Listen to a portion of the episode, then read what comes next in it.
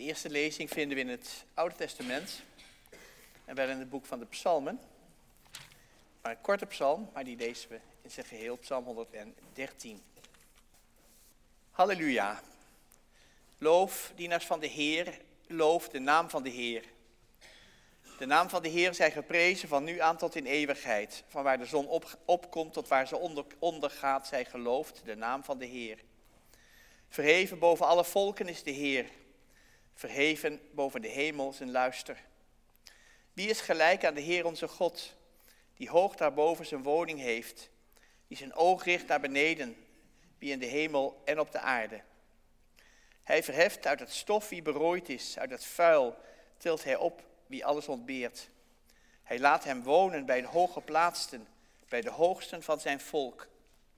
De onvruchtbare vrouw laat hij wonen in het huis, een vrolijke moeder van kinderen. Halleluja.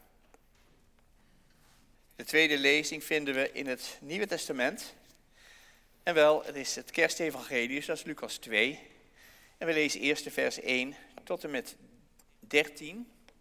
En dan zingen we met elkaar gezang 134 uit het liedboek. Dat is in feite, zou je kunnen zeggen, de engelenzang die we dan met elkaar zingen in plaats van lezen. En daarna lezen we de kerstgeschiedenis verder. Maar we beginnen te lezen bij, bij Lucas 2, vers 1.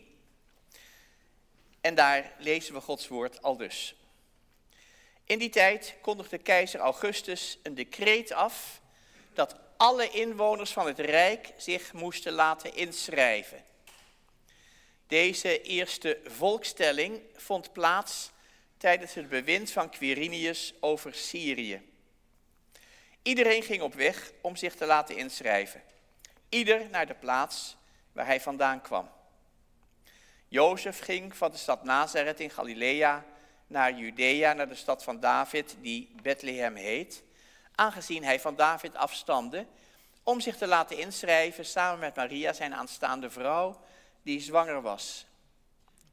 Terwijl ze daar waren, brak de dag van haar bevalling aan en ze bracht een zoon ter wereld, haar eerstgeborene. Ze wikkelde hem in een doek en legde hem in een voederbak, omdat er voor hen geen plaats was in het nachtverblijf van de stad. Niet ver daar vandaan brachten herders de nacht door in het veld. Ze hielden de wacht bij hun kudde. Opeens stond er een engel van de Heer bij hen en werden ze omgeven door het stralende licht van de Heer, zodat ze hevig schrokken. De engel zei tegen hen, wees niet bang, want ik kom jullie goed nieuws brengen, dat het hele volk met grote vreugde zal vervullen. Vandaag is in de stad van David voor jullie een redder geboren. Hij is de Messias, de Heer. Dit zal voor jullie het teken zijn. Jullie zullen een pasgeboren kind vinden dat in een doek gewikkeld in een, in een voederbak ligt. En plotseling voegde zich bij de engel een groot hemels leger dat God prees. Toen de engelen waren teruggegaan naar de hemel, zeiden de herders tegen elkaar, laten we naar Bethlehem gaan om met eigen ogen te zien wat er gebeurd is en wat de Heer ons bekend heeft gemaakt. Ze gingen meteen op weg en troffen Maria aan en Jozef en het kind dat in de voederbak lag. Toen ze het kind zagen, vertelden ze wat hun over dat kind was gezegd. Allen die het hoorden stonden verbaasd over wat de herders tegen hen zeiden. Maar Maria bewaarde al deze woorden in haar hart en bleven, bleven over nadenken. De herders gingen terug, terwijl ze God loofden en prezen om alles wat ze gehoord en gezien hadden, precies zoals het hun was gezegd. Tot zover de lezing uit de Bijbel. Zalig die het woord van God niet alleen hoort, maar het ook in zijn hart bewaart en eruit leeft. Halleluja. Eigenlijk staat er in Psalm, eh, Psalm 113, vers 5, dit. Wie is als de Heer onze God, die zeer hoog woont, die zeer laag neerziet in de hemel en op de aarde. En in Lucas lezen we, je zult een kind vinden in doeken gewikkeld, het licht in een voederbak. En ik hecht er nog wel aan om te zeggen, een kribbe. Gemeente van onze Heer Jezus Christus. Het is niet voor niks dat we in deze nacht der nachten, het is op het donkerst in het jaar, bij elkaar komen. Niet om allerlei rituelen met elkaar te beleven, maar om te beleven dat de Heere God een vuur in de wereld ontsteekt. En dat heeft de kerk geweten, alle eeuwen lang.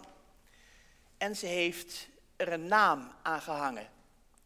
Zon van liefde, zonne der gerechtigheid, licht dat in de nacht begint, de zonneschijn van de hemel. En u hoort dat heel mooi in een van de liederen uit het liedboek. Uw kribbe blinkt in de nacht met een ongekende pracht.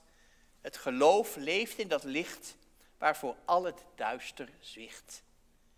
En u, jij, weet dat ook. En daarom ben je, daarom bent u vannacht gekomen. We zijn zoekers. We zijn op zoek naar dat vuur van God dat verwarmt. Waar, jij, je het bij uit kunt houden. U en ik. We zijn door en door koud en verkild door alle ellende van deze wereld. We zullen het allemaal niet noemen, maar u weet wat ik bedoel. Alle tekort, alles wat fout gaat. Met al onze goede bedoelingen, met al onze goede wil. Wat komt er allemaal van terecht? Je wordt er moedeloos van. Zo worden we geraakt door alles wat niet goed gaat. En we zien veertien jongeren in Praag zomaar doodgeschoten door een of andere rare man. Je ziet andere ellende. Mensen die hulp komen verlenen en aangevallen worden door de mensen aan wie ze de hulp willen verlenen. Je ziet zoveel om je heen. Storten gebouwen in, een aardbeving schudt de aarde en duizenden mensen kunnen het niet, overle kunnen het niet navertellen. Het zijn tragische beelden die maar niet van je netvlies af willen. En die problemen, ze zijn niet alleen maar veraf, ook dichterbij. Kijk om je heen hoe mensen het moeilijk hebben, hoe relaties het niet uithouden, hoe mensen lijden aan deze donkere tijd van het jaar. Voor sommigen staat hun werk op de tocht. Anderen krijgen een berichtje van de uitkeringsinstantie. U past niet in het systeem. Midden in deze wereld van nood zoeken wij, u, jij, ik, naar licht en naar warmte. En we zoeken dat niet alleen voor onszelf. We zoeken het ook voor de anderen. Voor de mensen met wie we verbonden zijn. We zoeken het voor iedereen die dat nodig heeft. Want het is veel te donker om ons heen. En hoe moet je daar wat aan veranderen? Hoe kun je daar gemeenschap vinden in een wereld waarin alles uit elkaar lijkt te vallen? Zelfs als je in een van de drukke winkelcentra van onze tijd loopt, je kunt er zo alleen zijn. Terwijl iedereen om je heen lijkt te genieten. En het klinkt, je hoort de liederen klinken en toch. Ik denk, je bent niet alleen. Als je je eenzaam en verlaten voelt in zo'n menigte. Dat gevoel hebben heel veel mensen. En eigenlijk, eigenlijk zijn we allemaal op zoek naar iets anders dan dat. We zoeken naar werkelijke warmte en naar het echte licht. We zoeken naar zin in ons leven. Maar die zoektocht is niet zo eenvoudig. En uiteindelijk gaat het niet om je heen, om, om je heen zoeken, maar het gaat om in jezelf zoeken. Zoeken naar wie je eigenlijk bent. En waar je hart op gericht zou moeten zijn. Want de Heere God wil dat vuur dat hij de wereld geeft, daar binnenbrengen. Een warmte van binnen, die naar buiten kan komen en andere mensen kan raken. Een vuur naar binnen, dat de donkerste diepte van je hart kan verlichten, waar niemand kan kijken, waar je nooit over praat. Daarom heeft God een kind gegeven. Daarom is God dat kind in de kribbe. Maar op het moment dat u die warmte, dat licht toelaat in uw leven, gebeurt er ook wat anders. Vaak komt er dan zo'n geweldige weerstand op. Want je wil het wel, maar je zegt tegelijk, ik wil het niet. Ik wil niet afhankelijk zijn van een ander. Ik wil mijn zelfstandigheid niet kwijt. En wat doe je? Je keert je om. Weg van het licht. Alsof je God zo aan de kant kunt zetten. Wat hebben wij mensen een moeite met het geheim van God? Met alle prachtige gebeurtenissen die je in de Bijbel leest en die je zin zouden kunnen geven. En wat hebben we een moeite met het gewone ervan? Dat het bij je om de hoek zou gebeurd kunnen zijn. Dat jij het zou kunnen zijn die die stal met die twee mensen met dat kindje voorbij had kunnen lopen. En ik snap het. Onze weerstand is zeker te begrijpen. Want de tegenstellingen zijn zo groot. Net als in die psalm. God woont heel hoog. En hij kijkt heel laag naar beneden. Hoe kan dat? Kunnen we die spanwijte van de dingen wel vatten? En daarom proberen we ons ervan af te maken. Sommigen zeggen, de geboorte van Jezus kan niet echt gebeurd zijn. En ze spreken over Maria als een theologische maagd. We laten ons verstand de baas spelen over het mysterie van de geboorte. Weg met dat alles. Vannacht ontmoeten we het kind in de kribbe. Vannacht beleven we het wonder van de maagdelijke geboorte. Onbegrijpelijk. Aanstoot en dwaasheid. En tegelijk prachtig. Het allermooiste wat er in de wereld gebeurd is. Want de vonken van Gods vuur kunnen we niet doven. Maar ja, wat hebben we er moeite mee? Omgaan met die geweldige tegenstellingen, met die prachtige woorden, met dat kerstevangelie. De hoge God naast ons gewone dagelijks leven. De kribben naast juichende engelen. Oosterse wijzen met kostbare geschenken tegenover herders die helemaal niks hebben. De oppermachtige keizer Augustus in Rome. En het pasgeboren kindje Jezus. Het is haast niet te vatten. En daarom laten we het uit de handen vallen. En houden we over een sprookjesachtig geheel met engeltjes en herdertjes. En uiteindelijk, misschien, een gewone geboorte. En tegelijk, tegelijk zijn we er doodongelukkig over. Kunnen we niet omgaan met dat vuur dat niet meer brandt? En elk jaar met kerst zoeken we elkaar weer op. Willen we horen die prachtige boodschap. En hopen we dat het vuurtje dat in ons leven gedoofd is weer, weer kan gaan branden. En zo ontmoeten we elkaar vannacht. Allemaal op zoek. Op zoek naar meer dan gewoon. Op zoek naar een kind, een kindje, dat niet alleen maar een kindje is, maar de zoon van God.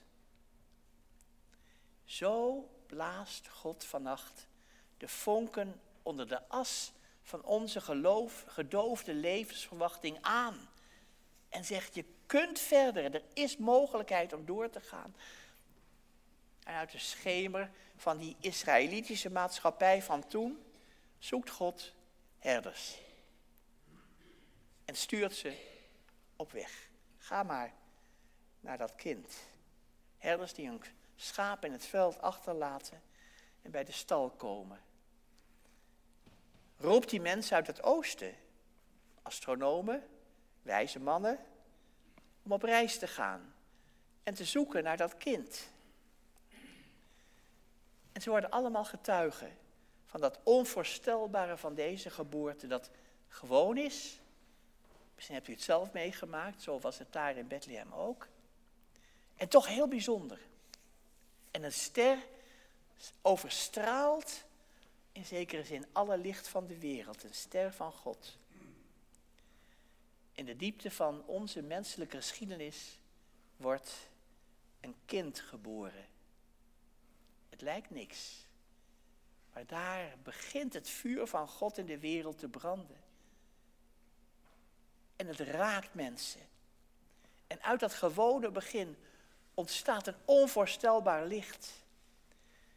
En ook vandaag gebeurt hetzelfde wat Maria en Jozef overkomen is. Er zijn mensen die onderweg moeten, die huis en haard moeten verlaten en nergens een plek vinden. Zwangere vrouwen die geen plek hebben om een kind ter wereld te brengen. Het is een geschiedenis van altijd die we lezen. De geschiedenis van Bethlehem, waar de Heer Jezus geboren werd, in een voederbak gelegd, waar de beesten hun eten uithaalden. En toch begint daar het allergrootste wonder van God. En wij, zoekers van kerst 2023, worden vannacht tot ongedachte getuigen gemaakt. Met de herders en met de wijzen uit het oosten. Oosten getuigen van dat wonder. Anders kan ik het niet zeggen. Gods woord is vlees geworden. Niet om ergens een mens op een of andere hoge troon te zetten, maar om in al onze armzaligheid en hopeloosheid mee te leven. Om de chaos van deze wereld een nieuw spoor, nieuw spoor te, te wijzen, een weg die we kunnen gaan. Psalm 113 loopt over van verwondering. Wie is als de Heer, onze God, die heel hoog woont en die heel laag kijkt in de wereld waar wij wonen. Hij wijst ons een weg om te gaan. Een weg voor arme en geringe mensen. Zoals Maria in haar lofzang zingt. God ontsteekt een vuur in onze wereld. En ook vandaag gaat dat vuur verder. Gaat hij alles wat wij niet afkrijgen, als het ware bij elkaar gooien. En, en hij maakt er een vuur van dat alle licht en dat, dat we allemaal kunnen zien. Een vreugdevuur in onze wereld. Het is een vuur van hoop dat vannacht brandt. En dat blijft branden. Vannacht, morgen, alle dagen van het jaar. Dat vuur van God straalt licht van geloof uit. Want Maria baarde haar eerstgeboren zoon, verwekt uit de Heilige Geest. Onvoorstelbaar. God zet zo zijn voetstappen in de tijd op onze wereld. En zo is hij jou, uw naaste geworden. Herkent u dat? Is dat niet een onvoorstelbaar mooi bericht?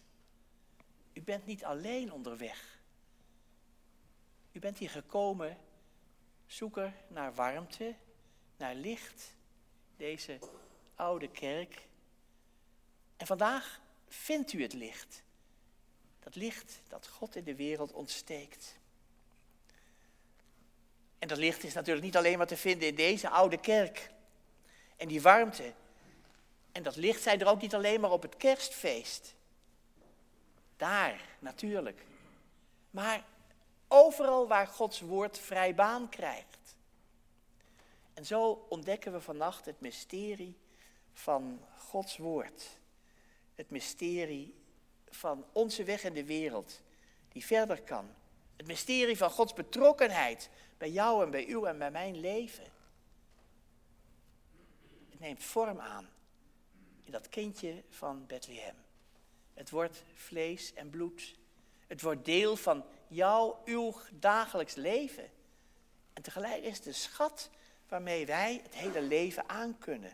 Altijd maar weer door. Elke week delen we in de kerk dat prachtige woord van God. En we nemen het mee en delen het uit. Leeftocht voor die barre wereld om ons heen. En u, u mag komen, telkens weer, om u te laven aan dat woord, om erdoor gedragen te worden. Woord dat u moed geeft en licht en warmte. Zo dat u het zelf kunt doorgeven. Een soort, als ik het zo mag zeggen, geestelijke voedselbank. Zo spreekt de Heere God woorden van hoop, waarmee wij verder kunnen, waarmee, waar we troost uit kunnen putten. Uw kribbe blinkt in de nacht met een ongekende pracht. Het geloof leeft in dat licht, waarvoor alle duister zwicht. Lof zij u Christus in eeuwigheid. Amen.